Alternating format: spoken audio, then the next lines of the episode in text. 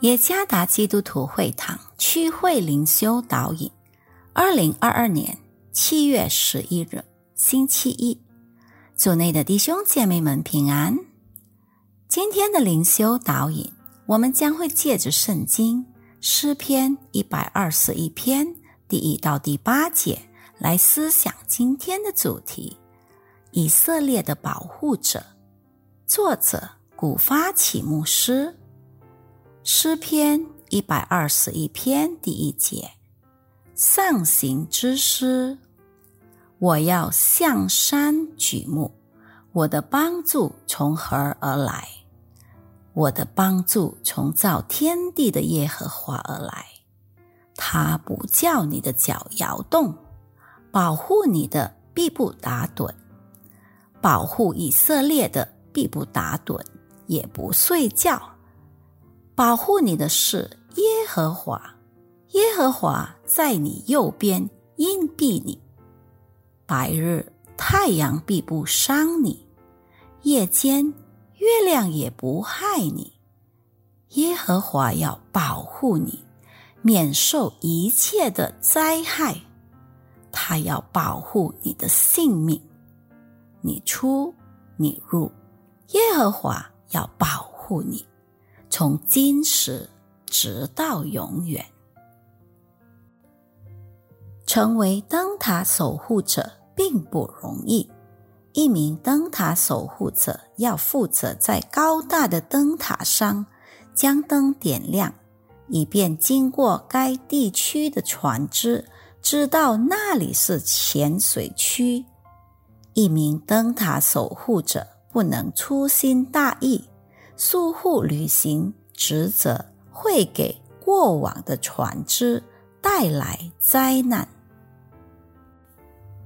诗人把上帝描述为以色列的保护者，以色列的保护者必不睡觉，也必不打盹。第三节，他也从不会疲乏和疲惫。他的眼睛眷顾着他孩子们的生活，他晓得他们的一举一动，他清楚知道他们的处境，他也是赐帮助的源头。第一和第二节，他的大能超乎一切，他无法与避难所甚至最坚固的堡垒相提并论。他将会帮助他的孩子们。这篇赞美诗被归类为朝圣之诗。这不仅仅是一首百姓登上西安时赞美上帝的赞美诗，也是一首巩固上帝子民在这个世界朝圣中的朝圣歌曲。的确，在这世界上。